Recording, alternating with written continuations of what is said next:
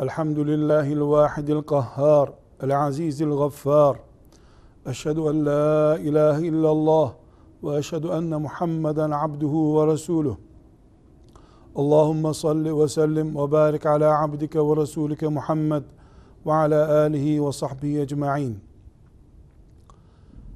Riyazu Salihin isimli kitabın niyet bölümünden birinci hadisi şerifi okuyoruz. Hafız kardeşimizden hadisi şerifi dinleyelim. Bismillahirrahmanirrahim.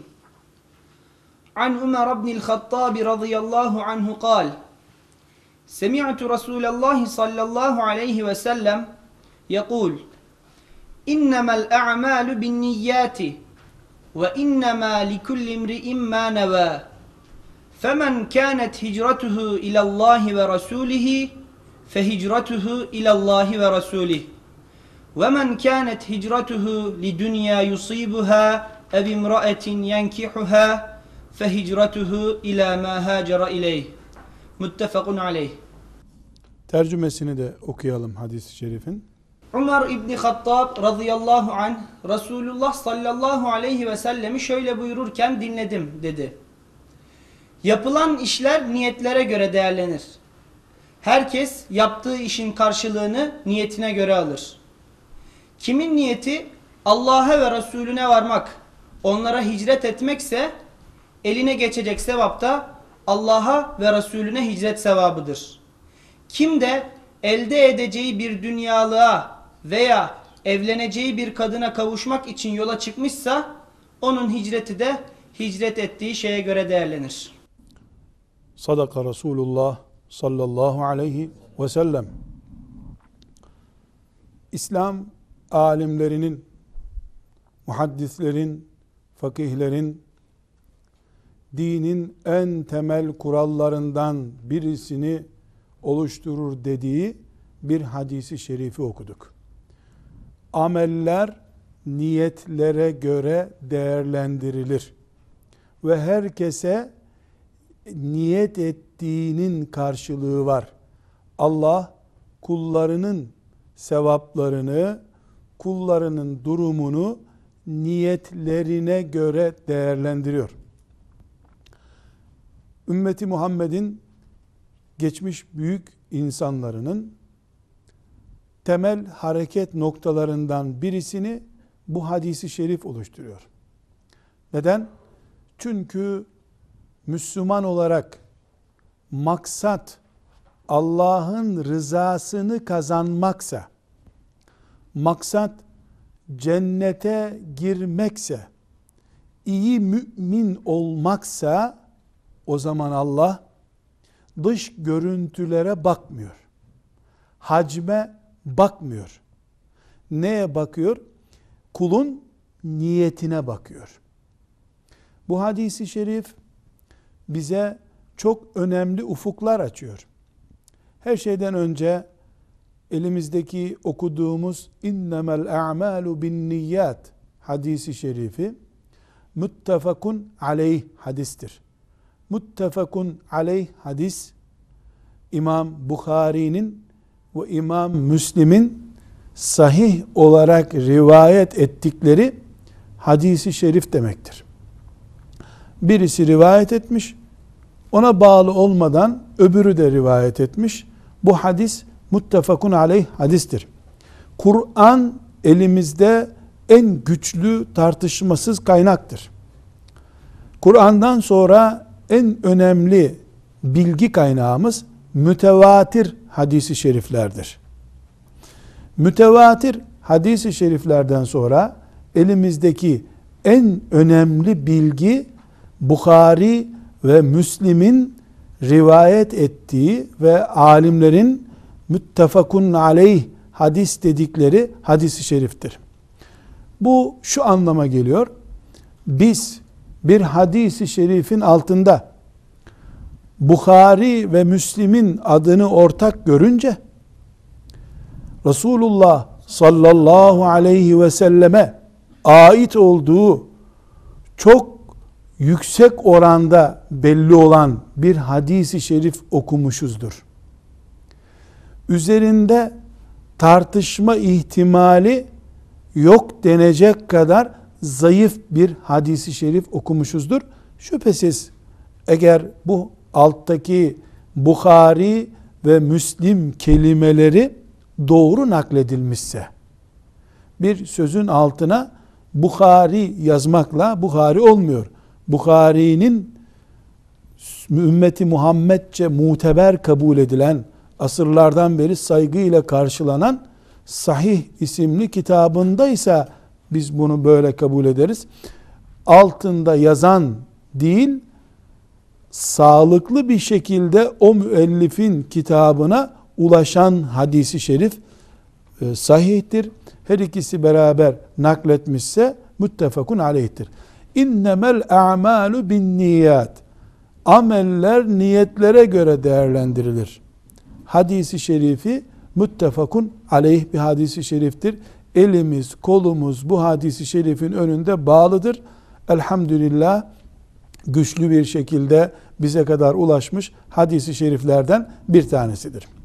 Bu hadisi şerifi konuşmadan önce hadisin bize ulaşmasına sebep olan sahabiden de söz etmemiz lazım ki o da Ömer bin Hattab radıyallahu anh'tır.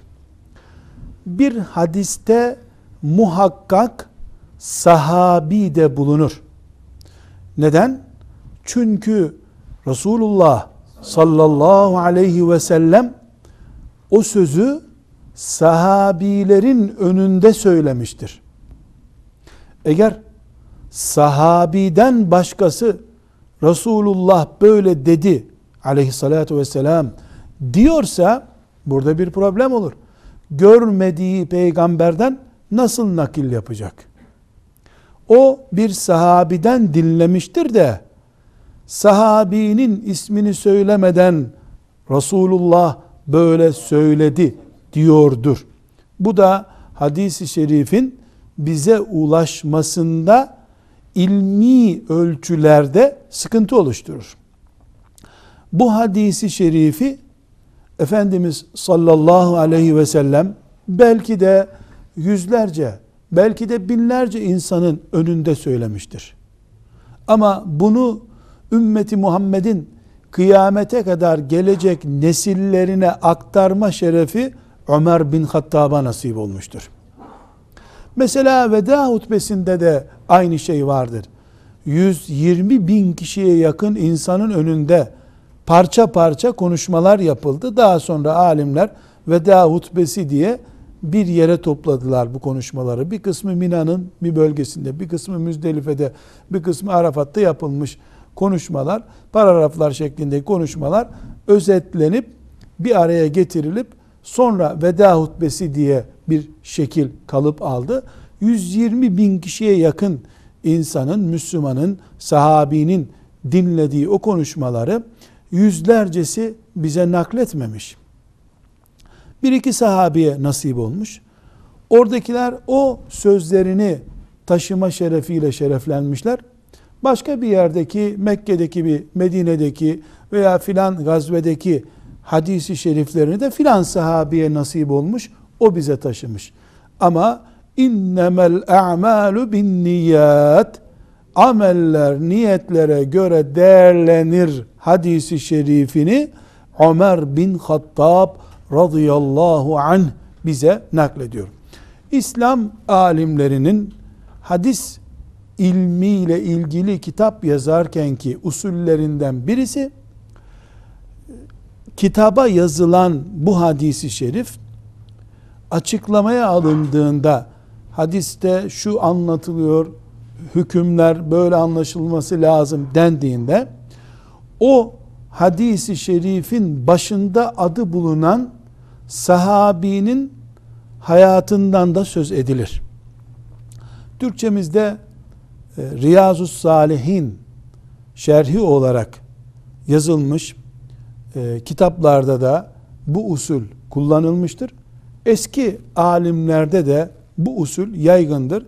Gerçekten de bereketli e, ve faydalı bir uygulamadır. Biz Ömer bin Hattab radıyallahu anh'ın rivayet ettiği bu hadisi şerifi okurken Ömer bin Hattab'ın o ismi üzerinde vakit harcamak isteriz ama hadise sıra kalmaz. Ömer bin Hattab ümmeti Muhammed'in ikinci halifesi, ümmeti Muhammed'in göz bebeği, büyük insanı. Onu onunla ilgili gelecek hadisi şeriflere bırakalım. Hadisi şerifimizi anlamaya çalışalım inşallah.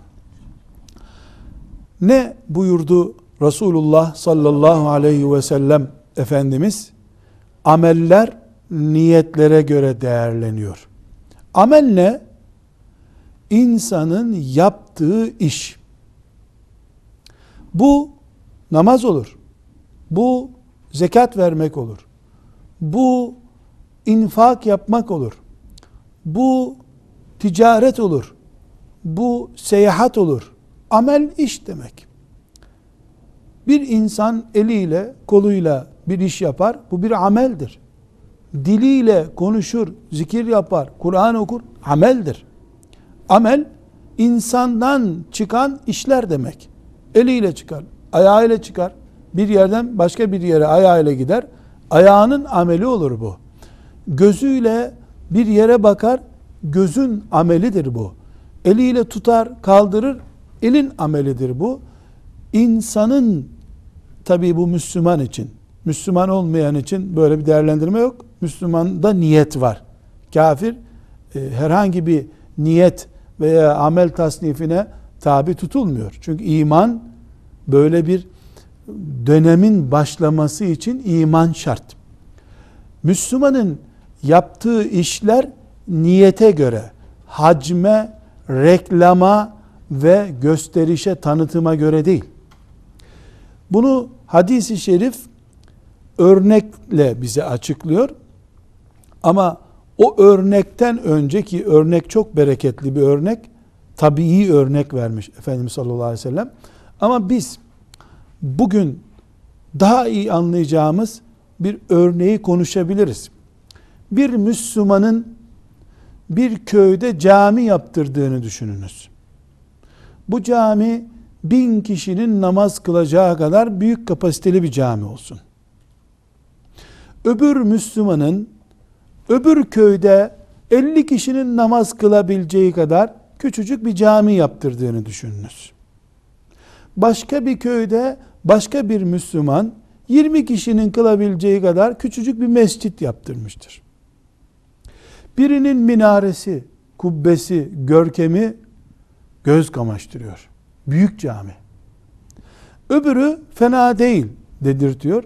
Öbürü de köyün kenarında küçücük bir mescit. Biz beşer olarak, insan olarak bu üç camiyi değerlendirirken ta köyün girişinden minaresi görülen kubbesi kocaman camiyi maşallah ne mübarek cami ne büyük cami ne güzel cami yapmış diye değerlendiriyoruz. O 20 kişinin ancak kılabileceği abdestlikleri bile olmayan mescide bakıyoruz. Yahu bu herhalde yıkılıp yeniden yapılacak diyoruz. Onu cami demeye bile uygun görmüyoruz. Bize göre o yani yıkılsa da olur gibi görülüyor. Neden? Çünkü biz gözümüzle, kulağımızla ve diğer duyu organlarımızla bakıp etki altında kalıp o etkiye göre karar veriyoruz. Caminin heybetini görüyoruz. O heybete karar veriyoruz. Gözümüz etki altında kalıyor. Sesin güzelliğinden etkileniyoruz. Kulağımızın etkilenmesi yüzünden çok güzel diyoruz. Ne güzel Kur'an okudu diyoruz. Neye göre? Sese göre. Bir sanat eseri görüyoruz. O sanat eserine muhteşem diyoruz. Ama Resulullah sallallahu aleyhi ve sellemin bize verdiği bu bilgide Allahu Teala'nın böyle karar vermediğini anlıyoruz. Allah Azze ve Celle neye göre karar veriyor? Kulun niyetine göre karar veriyor. Bin kişilik cami yaptıranın niyeti ve 20 kişilik 50 kişilik cami yaptıranın niyeti yarışıyor. Camiler yarışmıyor. Camiler yarışsa bizim düşündüğümüz gibi büyük cami yaptıran kazanacaktı. O küçücük 20 kişilik bir odayı mescit haline getiren bir ecir kazanamaması lazım. Ahirete geçildiğinde Allahu Teala hasenatı ve seyyiatı kullarının amellerini değerlendirdiğinde nice küçücük mescitcikler köyleri şehirleri ihtiva edecek kadar büyük kubbeli camilerden daha fazla sevap kazandırmış olacak sahibine. Bunun için bir güvercinin kafasını sokacak kadar da olsa, o kadar küçük bile olsa, yani bir tuğla kadar da olsa bir mescit yapın bir yere buyuruyor Efendimiz sallallahu aleyhi ve sellem. Neden? Çünkü bir güvercinin kafasını sokacağı şey bir küçük tuğladır. Ondan ne mescit olur ne de secde yeri olur. Ama o müminin niyeti, Allah'ın dinine, namaza hizmet etme arzusu, takat olarak bir güvercinin kafasını sokacağı kadardır. Aşk ve niyet, samimiyet olarak sahra kadardır. Sevabını da Allahu Teala niyetine göre değerlendirip veriyor. Bunun bir örneğini daha Efendimiz sallallahu aleyhi ve sellemin başka bir hadisi şerifinde görüyoruz. Rakamlı bir örnek veriyor. Buyuruyor ki bir kuruşluk bir sadaka biz kuruş olarak konuşalım anlaşılsın. Bir kuruşluk sadaka yüz bin kuruşluk sadakayı geçer buyuruyor. Bir ve yüz bin. Bir ile yüz bin arasında yüz bin kadar fark var. Bir kuruş yüz bin kuruşu nasıl geçiyor? Bunun cevabını kendisi veriyor. Buyuruyor ki bir insanın mesela bir milyon kuruşu var. Bunun yüz bin kuruşunu çıkarıp sadaka olarak verdiği zaman malının verebileceği şeyin onda birini veriyor. Bu müminin verme aşkı, verme düzeyi, Allah için infak etme düzeyi onda bir oranındadır. Yüzde ondur. Öbür müminin iki kuruşu var. Çıkarıp bir kuruşunu Allah için infak ediyor. Bu müminin verme kapasitesi yüzde ellidir. Allah kullarının amellerine bakıyor. Bir milyon kuruş verdiği kulunun yüzde onunu çıkarıp verdiğini görüyor. Öbür kuluna iki kuruş vermiş, yüzde ellisini çıkarıp verdiğini görüyor. Demek ki bu kuluna bir milyon kuruş verseydi Allah, o onun 500 binini sadaka olarak verecekti. O kapasite bunda var. İki kuruşu varken yarısını çıkarıp veriyor çünkü. Allah kullarının ihlasına, niyetine, samimiyetine baktığı için iki kuruşun bir kuruşunu veren bir milyonun yüz binini verenden daha fazla sevap kazanıyor Allah katında. Çünkü Allah deste deste paraları ölçmüyor. Kat kat binaları ölçmüyor. Ambalajlara bakmıyor. Tanıtıma bakmıyor. Kıyafete bakmıyor. Allahu Teala'nın baktığı şey ihlastır. Samimiyettir. Niyetteki heyecandır. Şimdi müsaadenizle bir soru sormak Evet. istiyorum. Şimdi yapılan işin büyüklüğü değil de niyetin büyüklüğünün önemli olduğunu anladık anlattıklarınızdan. Fakat her zaman niyet amelle sonuçlanmayabiliyor. Yani örnekte ufak bir rakam ve büyük bir rakamdan bahsettiniz. Ama bazen de sonuç oluşmaz. Sadece iş niyette kalır. e, sonuca dökülmez. Böyle bir durumda ne olur? Riyazu Salihin'in ileriki hadislerinde hadis olarak bu sorunun cevabı var. Mümin bir işe niyet eder, yapamaz onu. Allah o niyeti yapamadığı halde bile ecre dönüştürüyor. Yeter ki niyet samimi olsun. Bir hastayı ziyaret edip hasta ziyaret etmek sünnetine uymak istediği için yola çıkıyor. O saatte gidecek vasıta bulamıyor. Vapuru kaçırıyor, otobüsü kaçırıyor. Dakikalarca bekliyor. Bakıyor ki o mıntıkaya vasıta bulamayacak. Dönüp evine geliyor. Hasta ziyaret etseydi sünnete uymuş olacaktı. Çıktı, ziyaret edemedi. Bir kaybı var mı bu müminin? Hayır. İleride göreceğiz o hadisi şerifi. Efendimiz sallallahu aleyhi ve sellem onu yapmış gibi Allah ona sevap yazar buyuruyor. Zaten bu yapmış gibi sevap kazanıyor. Yapsaydı bir sevap kazanmayacaktı. Onla 700 kat arası fazla sevap kazanacaktı. Hiç yapmadan yapmaya azmedip hiç yapmadan bir sevap kazanıyor mümin zaten. Bu da Allah'ın kullarına ne büyük bir rahmetle muamele ettiğini, rahmetinin gazabını ne kadar geçtiğini gösteren büyük işaretlerden bir tanesi. Tekrar hadisi şerifimize döndüğümüzde mümin gösterişle kendi hem cinsi olan insanları ikna edebilir, kandırabilir. Hatta maşallah dedirtebilir. Ne alim dedirtebilir. Ne güzel hac yaptı dedirtebilir. Adamın gözünden yaşlar oluk gibi aktı dedirtebilir. Takva, zahid, abid dedirtebilir. Allah'ın yazdığı yazıda ise gözyaşı akıtan gerekçe puan kazanıyor. Mekke'de Kabe'nin etrafındaki tavaf ettiren niyet kazandırıyor. Ki bu hadisi şerifin devamında çok güzel bir örneği var. Efendimiz sallallahu aleyhi ve sellemin Medine'de meydana gelmiş bir olayı örneklendiriyor. Ondan hepimiz inşallah payımızı alacağız.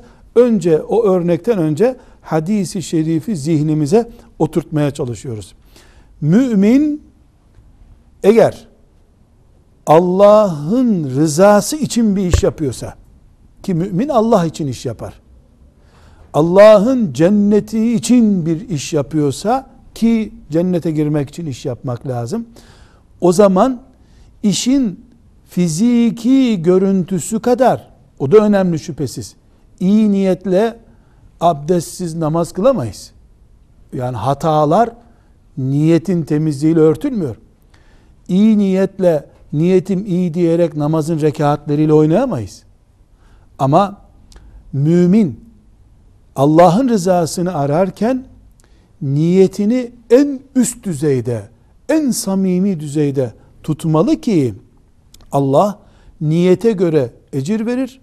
Hacca gider mümin yüzde yüz Rabbinin Kabe'si ile buluşmak, orada günahlarından istiğfar edip gelmek, orada biraz daha derecesini yükseltip gelmek, orada mümin kardeşleriyle musafaha ederek gelmek, orada dininin, kitabının indiği, ilk indiği ayetlerin uygulandığı yerleri görmek gibi ulvi maksatları vardır. Lakin müyesser olmaz veya gider orada rahatsız olduğu için haç günlerinin büyük bölümünü orada hastanede geçirir. İşte şöyle haç yaptı yapmadı denecek kadar bir halle ülkesine döner. Lakin onun kendi evindeki niyeti Mekke'de yaptığı haccın şeklini oluşturur. O orada belki de insanların 5 saat, 6 saat veya sabahtan akşama kadar yaptıkları vakfeyi 3-4 dakika haccını kurtaracak kadar yapmıştır. O vakfesiyle Allah'ın rızasını kazanmıştır. Öbür sabahtan akşama kadar orada güneşin altında vakfe yapar göründüğü halde hiçbir şey kazanamadan da Allah'ın kulu olarak insan geri dönebilir. Bu bize şöyle bir hedef koyuyor.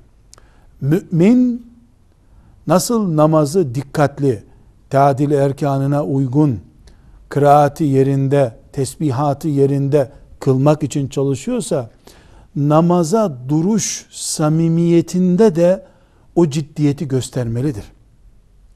O zaman namazda ki bir ihmali veya bir hatasını o bilmediği sev secde gerekecek bir işi yaptığı halde Allahu Teala rahmetiyle muamele edip onun namazına kamil bir namaz sevabı yazar. Niyetinden dolayı. Bunun için denmiştir ki müminin niyeti amelinden iyi olabilir. Mümin büyük bir mücahit aşkıyla muhlis, kaliteli bir iş yapmaya karar verir. Yapsa o işi belki o işi yaparkenki hatalarından dolayı muahaze bile görebilecek. Yani niye böyle yaptın? E, bu işte niye yanlış yaptın denebilecek hatalar yapacaktı. E, ve yüz sevap beklediği yerden 3-5 günah kazanıp geri gelecekti belki de. Ama bu mümin mükemmel bir niyetle yola çıkar. O işi yapamaz. Yapamadığı halde Allahu Teala yapmış sevabı yazabilir. Bunun çok güzel örneklerini önümüzdeki hadisi şeriflerde inşallah göreceğiz. Ama her halükarda biz innemel a'malu bin niyat yapılan işler niyetlere göre değerlenir. Herkese yaptığı işin karşılığı niyetine göredir. Kilogramına göre değil. Topladığı puanlara göre değil. Yaptığı tanıtıma göre değil. Niyetine göre. Niyette kalplerde gizli. Elle, ayakla niyete ulaşılmıyor. Dille ulaşılmıyor. Ve niyet, Ya Rabbi şuna niyet ettim demek de değil. Sözlü bölümü müstehaptır sadece. Şöyle niyet ettim demesi müstehaptır. Ama asıl niyet müminin içindeki kordur. Mümini hareket ettiren enerjidir. Niye buradasın bu saatte?